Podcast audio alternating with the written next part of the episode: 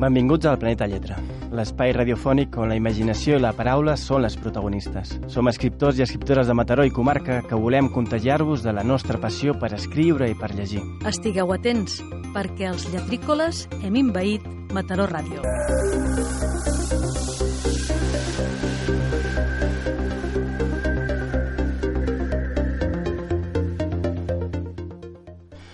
Bona tarda a tots i totes. Per fi, els lletrícoles han tornat. Prepareu-vos per passar una hora amb aquests éssers estranys que viuen a Mataró i comarca, però que venen del planeta de lletra. El planeta on es respira només literatura. I avui començarem amb l'apartat Fem ciutat. Per nosaltres, fer ciutat és anar coneixent tota la gent que, com nosaltres, es mou per l'amor a les lletres a Mataró i a tot el Maresme.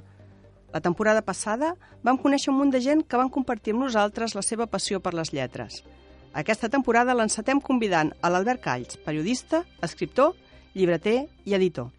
I continuarem amb la Heidi Pérez, que ens portarà per començar la nova temporada amb la renovada secció musical Alta Fidelitat, la música més hippie. Després podreu escoltar el relat guanyador del mes d'abril del nostre blog, escrit per Montse Pérez i que es titula Les coses en su sitio. I tot seguit, la nostra reportera especial, la Núria López, ens farà un tastet de com va anar la Setmana del Llibre en català. Després, la Heidi ens portarà més música. Quina serà la següent cançó? En acabar amb la música, arriba el moment que tots esperàvem, o això creiem. Reprenem el nostre curs per aprendre a escriure amb l'apartat Eines d'escriptura, de la mà de les nostres companyes Rosa Tirado i Maria Català. Estigueu atents que ara mateix comença Planeta Lletra, una invasió gens subtil d'éssers d'un altre món, el món de les lletres.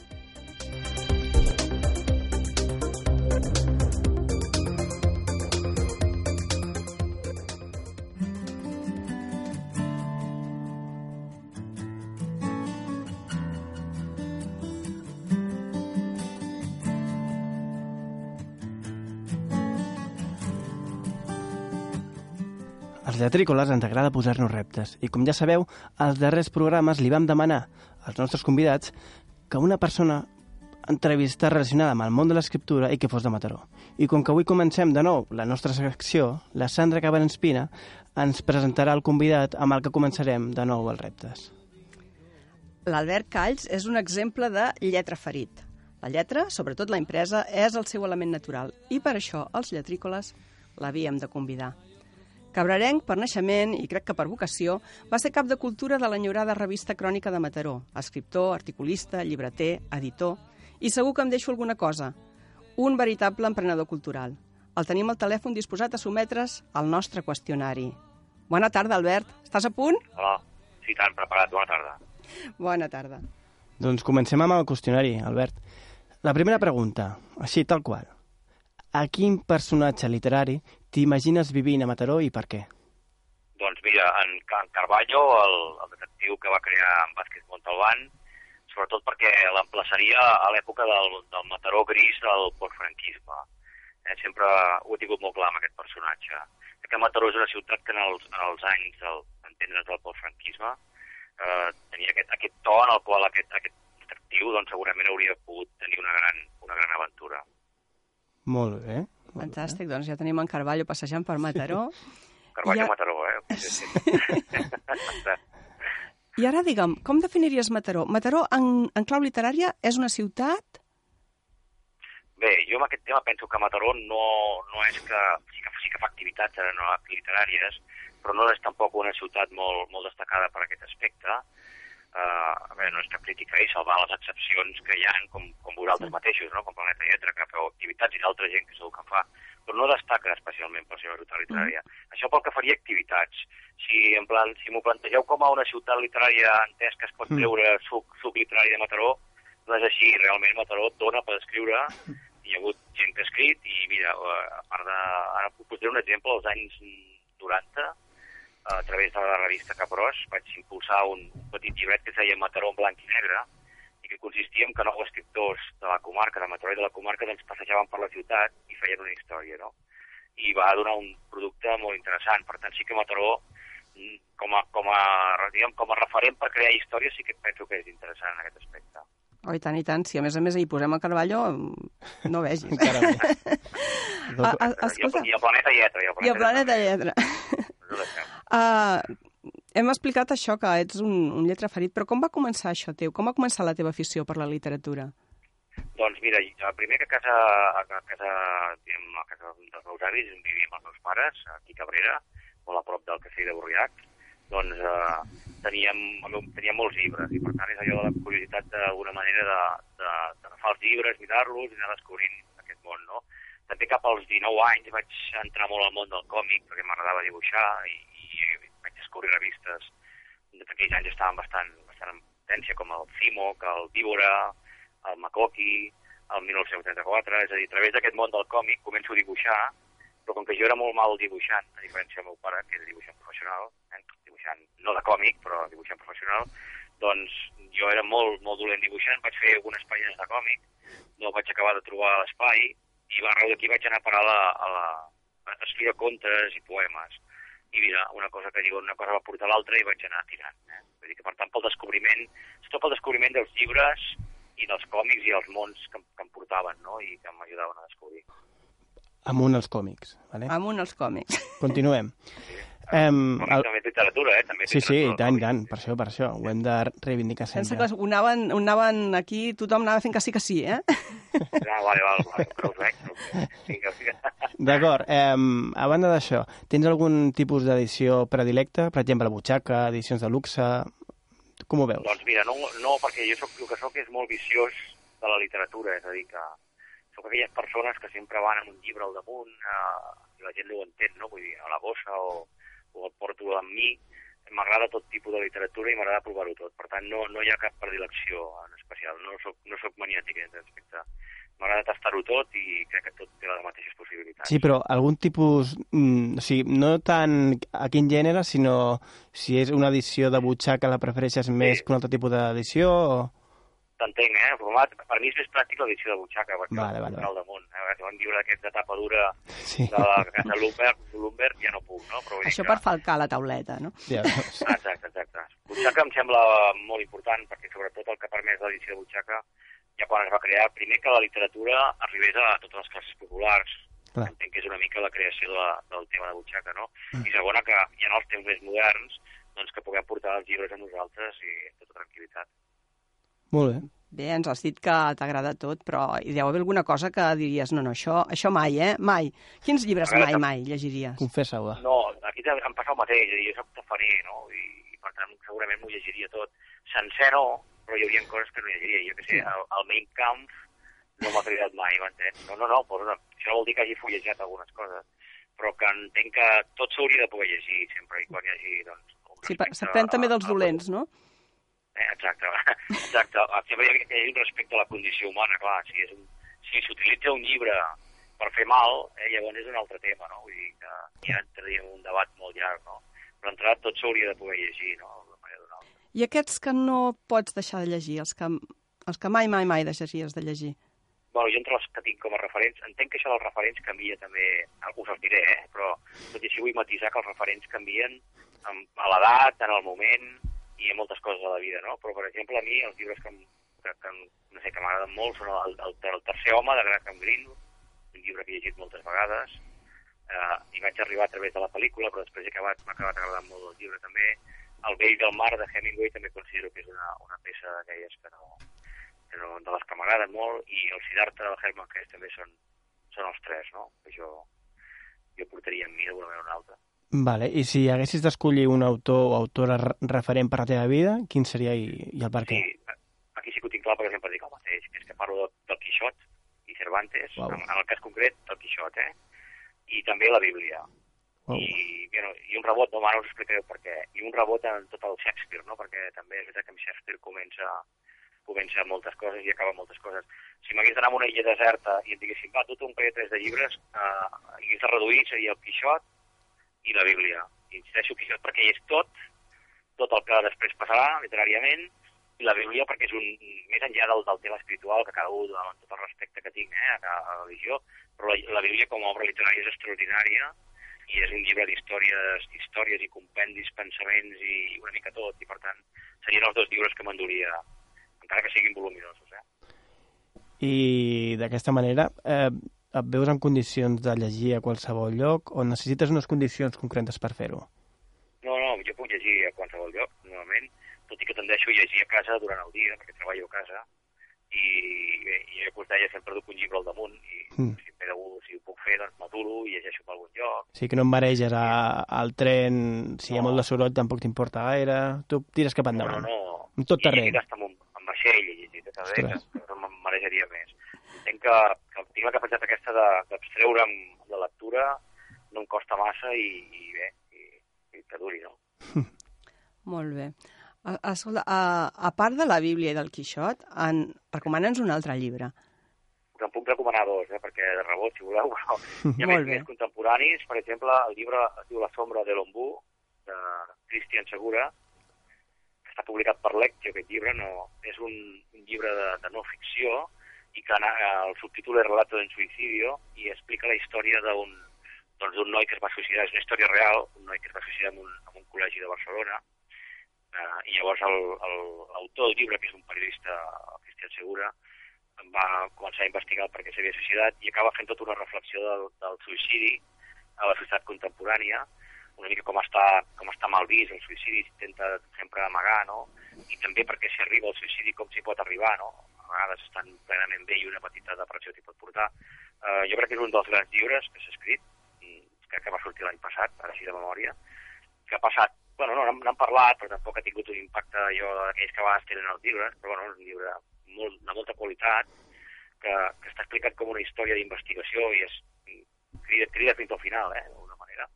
I sobretot això, perquè reflexionen sobre un tema tan, tan tabú com el suïcidi. Mhm. I de segon, que l'estic llegint ara i per tant estic a la meitat, i és també novetat, recomanaria eh, la, la vegetariana, d'una autora coreana que es diu Han Kani, que ha publicat l'editorial Rata, que doncs, eh, dic, estic a la meitat, eh, però penso que és un d'aquests llibres que s'han de recomanar. Premi Man Booker International, International del 2016. Sí, hi ha història aquí també, eh? Albert, hi ha Ah. assentiments aquí també... Ah, que esteu a la vegetariana, val. Història d'una senyora, senyora doncs, que de cop i volta decideix no menjar, no menjar carn i tot, la, tot el que li passa, no? Té un punt molt, molt kafkià, és a dir, però vaja, de moment, pel que porto, em sembla que és un llibre d'aquells que també queden, queden i, i vaja. No sé si amb aquestes dues en teniu prou. Sí, sí, en tenim prou. A, a, apuntadíssims i ara, ara ha arribat el moment del repte. Vale. Eh, Te'l dic, eh? Estàs atent. Sí, sí, D'acord. Dóna'ns una recepta per fer del Maresme una comarca culturalment activa. Si és que, si és que creus que cal una recepta. No, no, no, la recepta o la fórmula, si voleu, Sí. la fórmula ma- allò de la farmàcia, que vas a la, farmàcia i dius, doni'm un remei, no? Doncs, Doni'm una... aquesta, no? és que és la mateixa Sí. i fa com 30 anys que estem amb aquesta mateixa i no hi ha manera. És que es posin d'acord, sobretot els ajuntaments, amb els agents culturals, i bé, si es posen d'acord entre ells, parlen, estableixen una mica de programació i col·laboren, segurament doncs, la, la comarca, que és culturalment activa, et- ho seria molt més i tindria molta més, molta més difusió i més impacte. No? Què passa? Pues que es fan moltes coses ara mateix, ara mateix i fa anys, molt descoordinades, al mateix dia es fan 35 coses al mateix lloc i no es Mm. té en compte això. No? Cal, jo crec, voluntat política en aquest aspecte, eh? és a dir, per tant, és una acció política perquè són els que tenen més possibilitats de, de moure estructures i entendre's amb, el, amb els agents culturals. No? Ara mateix eh, ja veieu que una cosa que jo he criticat últimament que és que ni, ni telecomarcal tenim, no? perquè els últims anys el projecte de telecomarcal va anar, va anar esveint-se fins que al final doncs, no, ha desaparegut, no?, d'alguna manera, el, és el que demana. Per tant, amb aquesta actitud del, dels polítics no, no anirem enlloc. El dia que els polítics s'asseguin i diguin, va, anem a resoldre-ho. Bueno, bàsicament tots. que, que siguin capaços de posar-se d'acord i fer una agenda comú, Sí. bàsicament. Sí, perdona, ja m'està, estava enrotllant, eh? però això seria... No, no, no. bé. Tornar-me al pensament Twitter, res, això. No, no, està molt bé. Ara el que passa que necessitem que ens diguin quin serà el proper convidat perquè estem, estem uh, desitjant saber qui tindrem. I el repte que li posaràs? Jo us, us suggereixo, això li heu de preguntar eh, a ell, que l'autor de Premià de Mar, David Grau, que ha publicat un llibre que es diu El defensor de les bruixes, Mhm. mm, de, col- de columna, que és molt interessant perquè és tota una, tota una mica una història, una història de ficció que passa l'any 1622 sobre el que és la caça, la cacera de bruixes a Catalunya, amb uns personatges que són bastant inoblidables, eh?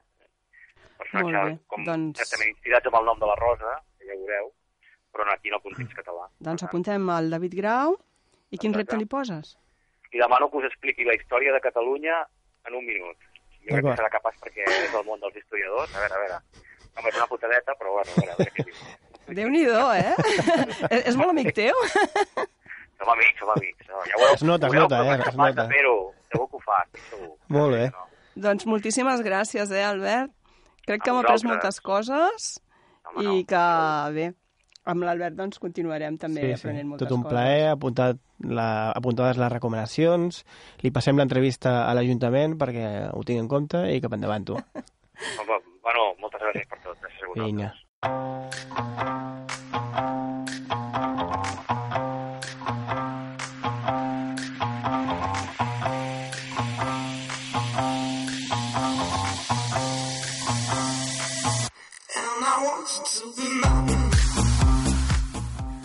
Bona tarda i benvinguts a la secció musical de Planeta Lletra Alta Fidelitat, una secció on es pondran la literatura, les arts i la música. Avui volem començar amb un moviment contra, contracultural, llibertari i pacifista que va aparèixer als Estats Units als anys 60 del segle passat. Avui parlem del moviment hippie. Aquest moviment té una clara influència de l'anomenada generació beat, un grup d'escriptors que rebutjaven els valors estadounidencs clàssics, defenien la llibertat sexual, l'ús de les drogues i aprofundien en l'estudi de la filosofia oriental. Obres literàries com Aullido, d'Alan Ginsberg, On the Road, de Jack Kerouac, o El almuerzo desnudo de William Burroughs van ser alguns dels seus títols principals. Malgrat la influència beat dins el moviment hippie, hi ha una clara diferenciació entre tots dos moviments pel que fa a l'actitud. Així, mentre els beats tenien una tendència al cinisme, gaudien de la filosofia exis- existencialista i normalment lluïen roba negra o marró, els hippies tenien una actitud més positiva i les seves robes eren multicolors. Podem dir, això sí, que la influència clau dels beats sobre els hippies van ser en l'estil de vida bohemi i en l'actitud antiautoritària. Els hippies, com sabeu, van adoptar una forma de vida comunitària basada en l'amor i en la pau, renegaven del nacionalisme i de la regulació estatal, de la mercantilització de la vida quotidiana, del consumisme i del capitalisme.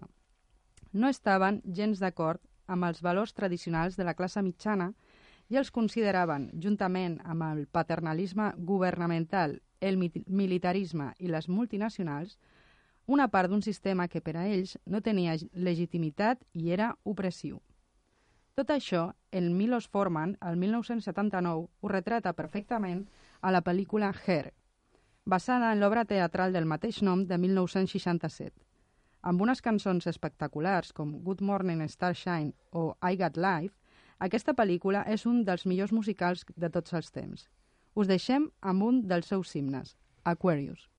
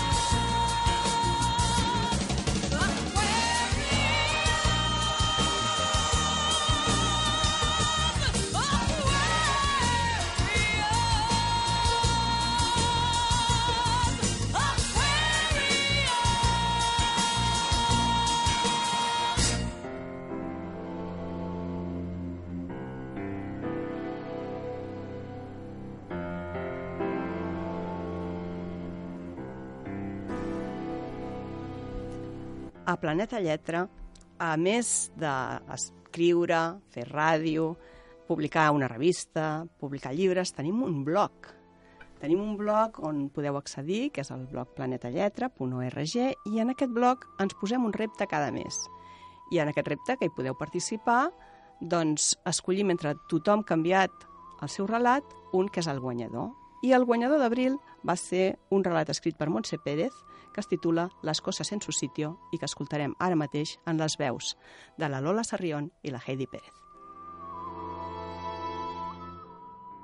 Rosas, rosas por todas partes. Este año no tendré. Se lamenta mientras pasea mirando de reojo las paradas de los libros. ¿Cuántos ve que le gustaría comprarse? Pero no, ahora no puede permitírselo. Por eso va directa a la parada de View, una asociación que se dedica a promocionar la lectura mediante el intercambio de libros usados. Un consuelo para ella. El bálsamo para bibliófilos con pocos recursos. Ya ha escogido tres. No quiere abusar porque no ha traído ningún ejemplar para intercambiar, pero la tentación le puede y sigue rebuscando entre los títulos expuestos. La luz que no puedes ver, punzada en el corazón. Como el que le regalé el año pasado por esta fecha. Pasa los dedos suavemente por el título. Se tortura recordando su rostro de satisfacción al desenvolverlo, el infinito de sus ojos, la serenidad de su voz. No puede evitar cogerlo, ojearlo. En la primera página hay una dedicatoria, punzada en el alma. Mi letra, mi firma, maldito sea. Y se lo lleva también. Pasa ante un puesto en el que tienen rosas anaranjadas. Son las que le gustan. Se compra una. Idiota. Siempre me regalaba rosas rojas o azules, por más que te insinuaba que no me gustaban de esos colores. Al llegar a casa la reciben loro, gato y perro. He de pensar un nombre para vosotros. Les dice tiernamente. Imbécil, nunca quisiste ponerle un nombre porque te habrías sentido más comprometido, más ligado a ellos, como lo nuestro, que tampoco lo tuvo, tan abstracto, tan indefinido, tan absurdo. Pone la rosa en un florero del recibidor y el libro en la estantería, junto a otros ejemplares. Las cosas empiezan a estar en su sitio. La vida tardará un poco más. El quart dissabte de cada mes tenim una cita. A les 4 de la tarda, els lletrícoles us convidem a venir al Planeta Lletra. Un espai on la imaginació i la paraula són les protagonistes. Som escriptors i volem contagiar-vos de la nostra passió per escriure i per llegir. En Planeta Lletra, el quart dissabte de mes a les 4, els lletrícoles envaïm Mataró Ràdio.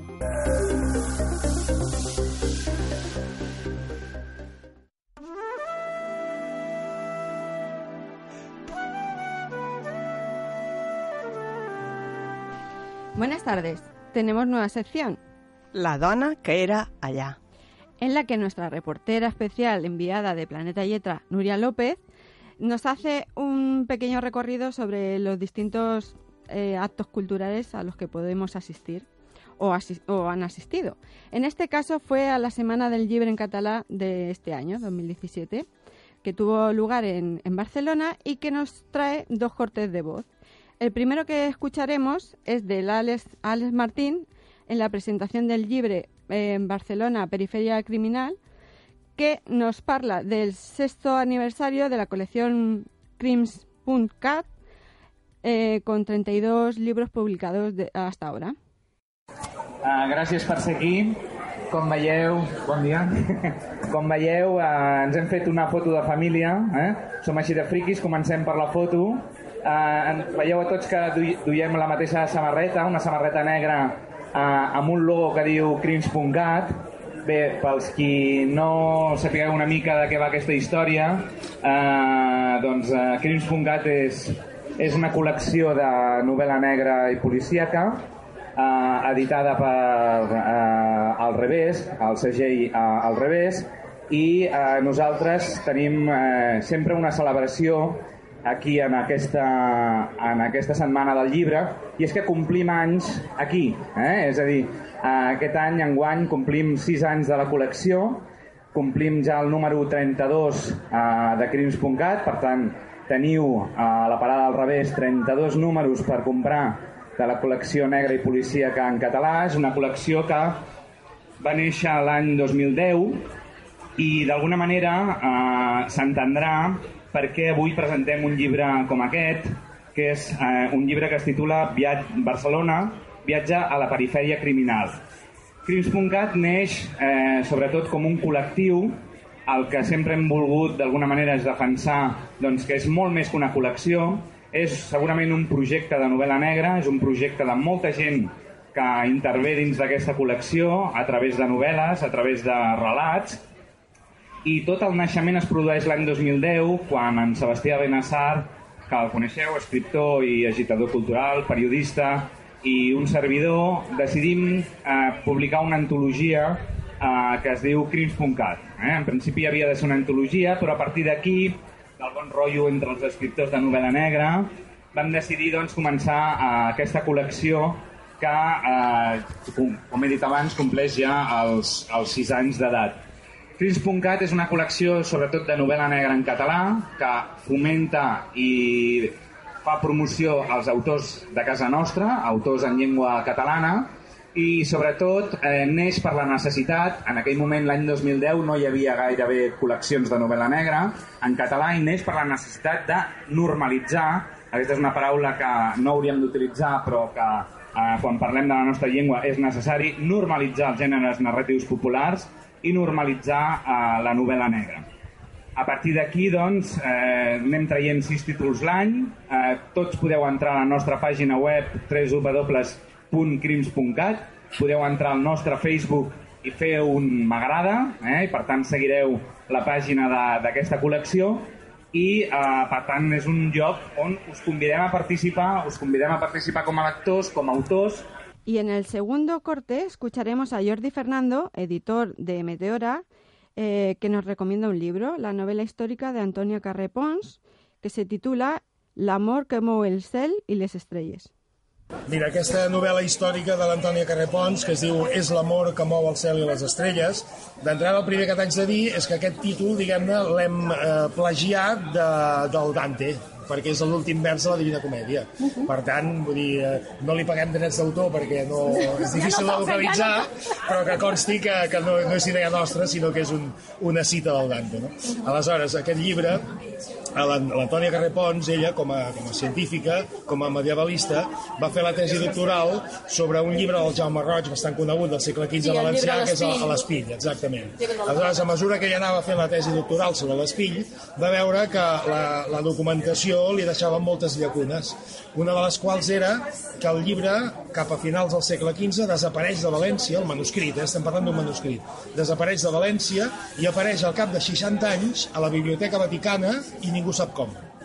I això ella no ho va poder documentar, no ho va poder explicar perquè no hi ha informació.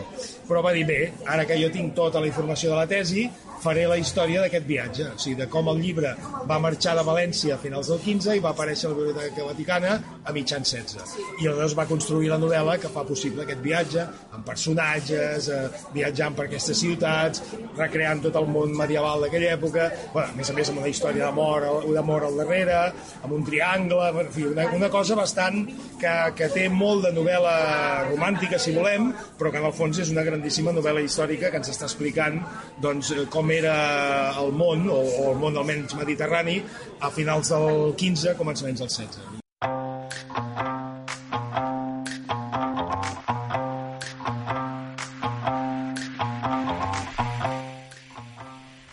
Doncs aquí continuem i continuem parlant del moviment hippie eh, de l'any 69. Eh, un any en el qual es va celebrar el conegut Festival de Woodstock una de les més grans concentracions hippies de la història, amb gairebé mig milió d'assistents. Eh, va estar considerat un dels moments claus de la història de la música popular, amb artistes eh, de la talla de Joe Cocker, Jimi Hendrix, The Creedence Clearwater, Joan Baez o Janis Joplin, que es van convertir en autèntiques icones de la música. Precisament amb la Janis Joplin i la seva cançó Maybe, Tancarem la secció musical d'avui. Moltes gràcies i fins la propera.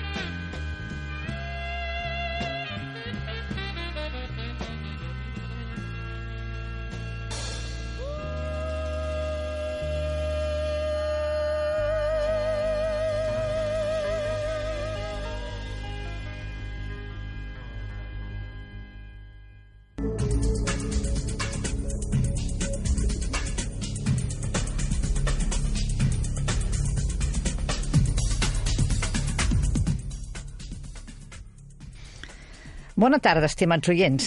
Heu llegit molt aquest estiu? Heu escrit molt? Sí? No? Doncs, per ajudar-vos a reemprendre el camí pels senders de l'escriptura, ens tornem a trobar per compartir la nostra caixa d'eines d'escriptura. Volem animar-vos a escriure i també a fer més intenses les vostres narracions. Avui parlarem de l'expressió de les emocions en l'escriptura, perquè ja ho sabeu, una de les millors maneres que tenim per enganxar el lector és emocionar-lo. Fer que empatitzi amb el que li està passant al nostre protagonista. Iniciem el tema amb una norma general. Mostra-ho. No ho expliquis. Aquest consell també ens serveix per l'expressió de les emocions. No expliquis que el teu personatge està angoixat. Mostra al lector la seva angoixa. Això és el que fa la Delfín de Vigan a les hores subterrànies. A la Matilda, la protagonista, li estan fent moving en la feina i pateix insomni. Enciende la luz. Alisa la sábana con la palma de la mano. Tira del edredón por las cuatro esquinas.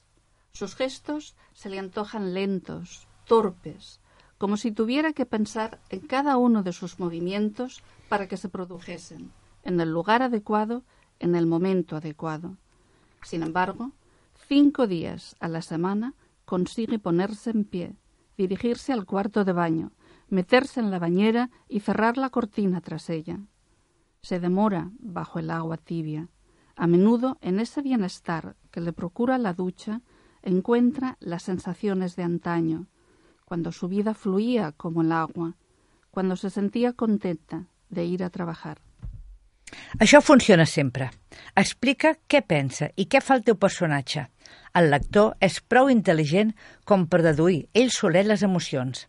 Les accions, les accions mostraran el seu estat d'ànim i els seus pensaments acabaran de proporcionar al lector la informació que necessita per entendre i empatitzar amb el personatge.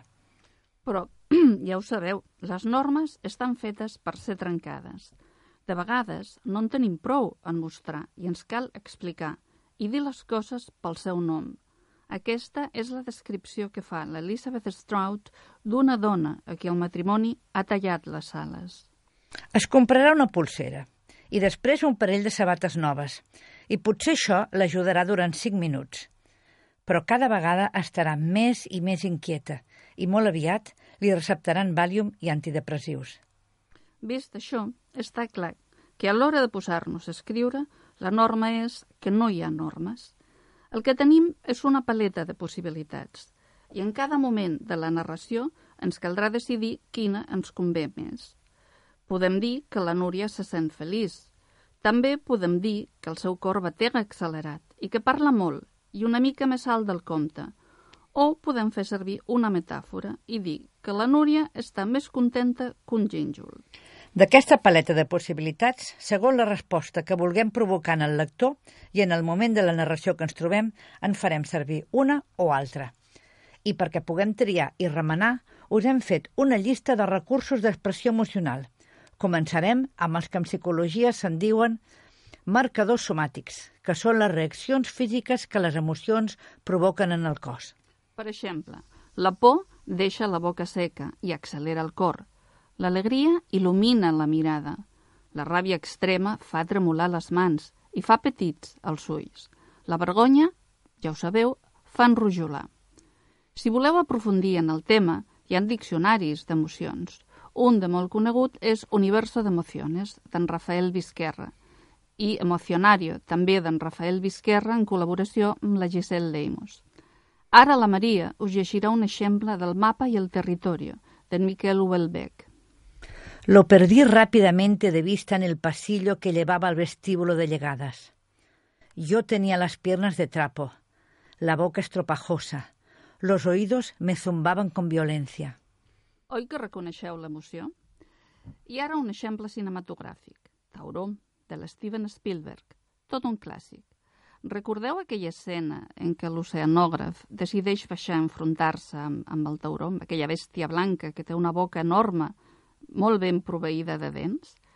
Doncs, en aquesta escena, quan, quan l'oceanògraf es fica la gàbia de metall, just abans de, de baixar-lo, no diu que por, no ho fa explícit, però quan vol escopir a les ulleres de busseig, troba que no pot. No tinc saliva, diu, i tots sabem per què. Hi ha moltes maneres d'expressar l'estat emocional del personatge. Per aprendre això, els diccionaris ajuden, però, a més a més, hem d'escoltar les nostres emocions i observar-les del nostre entorn. Així mateix, és molt útil llegir els autors que dominen el tema i aprendre d'ells. Un exemple de la canadenca Louise Penny, a una revelació brutal. L'Olivier, un dels protagonistes, contesta una trucada de telèfon a hores intempestives. El seu company l'observa intentant endevinar qui truca i què està passant. Se incorporó y miró a su compañero a la cara, examinándolo como haría un pasajero con el rostro de un auxiliar de vuelo durante el despegue. Parecía preocupado, asustado. Vio que la expresión de Olivier pasaba, pasaba de una preocupación relativa al asombro, y luego, al instante, sus cejas se hundieron y toda la sangre desapareció de su rostro. Dios mío, pensó Gabri, vamos a estrellarnos. Olivier escuchaba en silencio, pero su rostro era bastante elocuente. Había ocurrido algo terrible. Us en recordeu de Mrs. Dubos, a matar un rossinyol? Mrs. Dubos és una vella dama que, que pel dolor que pateix es fa addicta a la morfina. En portes de la mort, decideix desenganxar-se de la droga i morir lliure. En aquest context, en Gem, el fill de l'Àticus, el protagonista que acaba matant el gos rabiós, li fa companyia i li llegeix. En Gem no li agrada, però quan la dona mor, el seu pare li explica per què era tan important que li fes companyia. Volia que veiessis què és el coratge de debò, en comptes de quedar-te amb la idea que el coratge és un home amb una pistola a la mà. Coratge és quan saps que has perdut abans de començar, però comences de tota manera i arribes fins al final, passi el que passi. Poques vegades guanyes, però de vegades ho aconsegueixes. Aquest paràgraf és tan boníssim que fa posar els pèls de punta. Això és el que té la bona literatura quan la llegim, que entrem a dins dels personatges i entrem dins la situació. L'autor ens descriu el coratge per les accions o les actituds que provoca. No necessita res més. Una metàfora també pot ser molt eficaç. Això ho a los tres maridos de Manolita d'Almudena Grandes. La protagonista de la novel·la rep una bona notícia i se sent com si hubiera encontrado algo dulce en la boca. Un altre de la mateixa. En ese momento volvió a ocurrir. La sonrisa de Silverio encendió una luz, abrió una puerta y de repente me encontré con él al otro lado. O la descripció de la mateixa novel·la d'un dels antagonistes, amb qui la Manolita té una conversa. Tenía un acento impostado, meloso, que pringaba el aire con cada palabra. Aprovechó la pausa para echarle otra cucharada de azúcar a su voz. En Neil Gaiman també fa servir una metàfora per descriure la veu del malvat de Neverwhere i diu que tenia una veu que semblava mantega rància. Un altre exemple, l'Elizabeth Stroud descriu així la indefensió afamèlica. Semblava que li haguessin arrencat una pell que s'interposava entre ell i el món, i tot estava a prop. Feia por. Aquests són uns pocs exemples de la màgia de la bona literatura. Quan parlem de l'expressió emocional a l'escriptura, hem de diferenciar les tècniques que requereix una novel·la i les que requereix un relat curt. A la novel·la tenim espai per descriure accions, emocions i pensaments. Podem fer servir qualsevol opció en funció del moment de la història. Encara que en els punts on l'emoció és més punyent, us aconsellem alentir el ritme i deixar que el lector saboreixi el moment.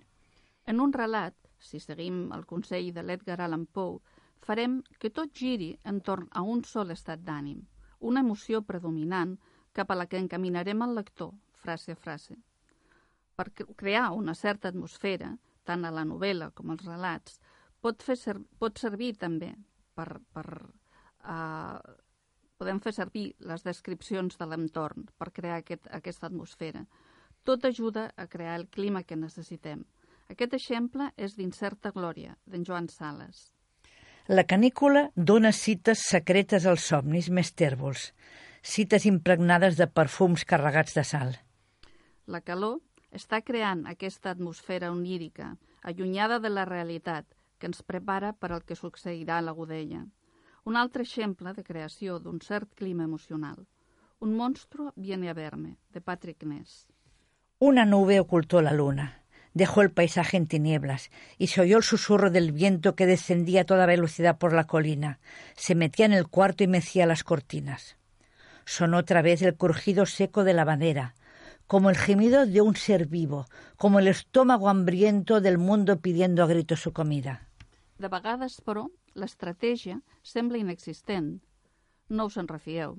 En realitat, l'autor està creant el clima emocional a partir del punt de vista que, amb el que narra la història. O també la manera com organitza la informació que va rebent el lector. Això ho fa sovint la Lucia Berlin, a Manual per dones de fer feines. En el relat, eh, diu, en un relat, a, punt, a puntes de la sala d'urgències, diu així, una infermera parla del que considera morts dolentes quan el pacient està sol o mal acompanyat i de morts bones quan passa tot el contrari. El señor Ginotti tuvo una muerte buena. La familia respetó la petición del personal y se quedaron fuera. Pero iban entrando uno por uno para que el señor Gianotti pudiera, supiera que estaban allí. Y al salir tranquilizaban a los demás y garantizaban que los médicos hacían todo lo posible. Sense trampa ni cartró. Només la veu nua de la narradora fent-nos sentir. Un últim apunt. Per aprendre a expressar emocions no hi ha res millor que llegir poesia. Els poetes són experts en emocions. El quart dissabte de cada mes tenim una cita. A les 4 de la tarda, els lletrícoles us convidem a venir al Planeta Lletra. Un espai on la imaginació i la paraula són les protagonistes. Som escriptors i volem contagiar-vos de la nostra passió per escriure i per llegir. En Planeta Lletra, el quart dissabte de mes a les 4, els lletrícoles envaïm Mataró Ràdio.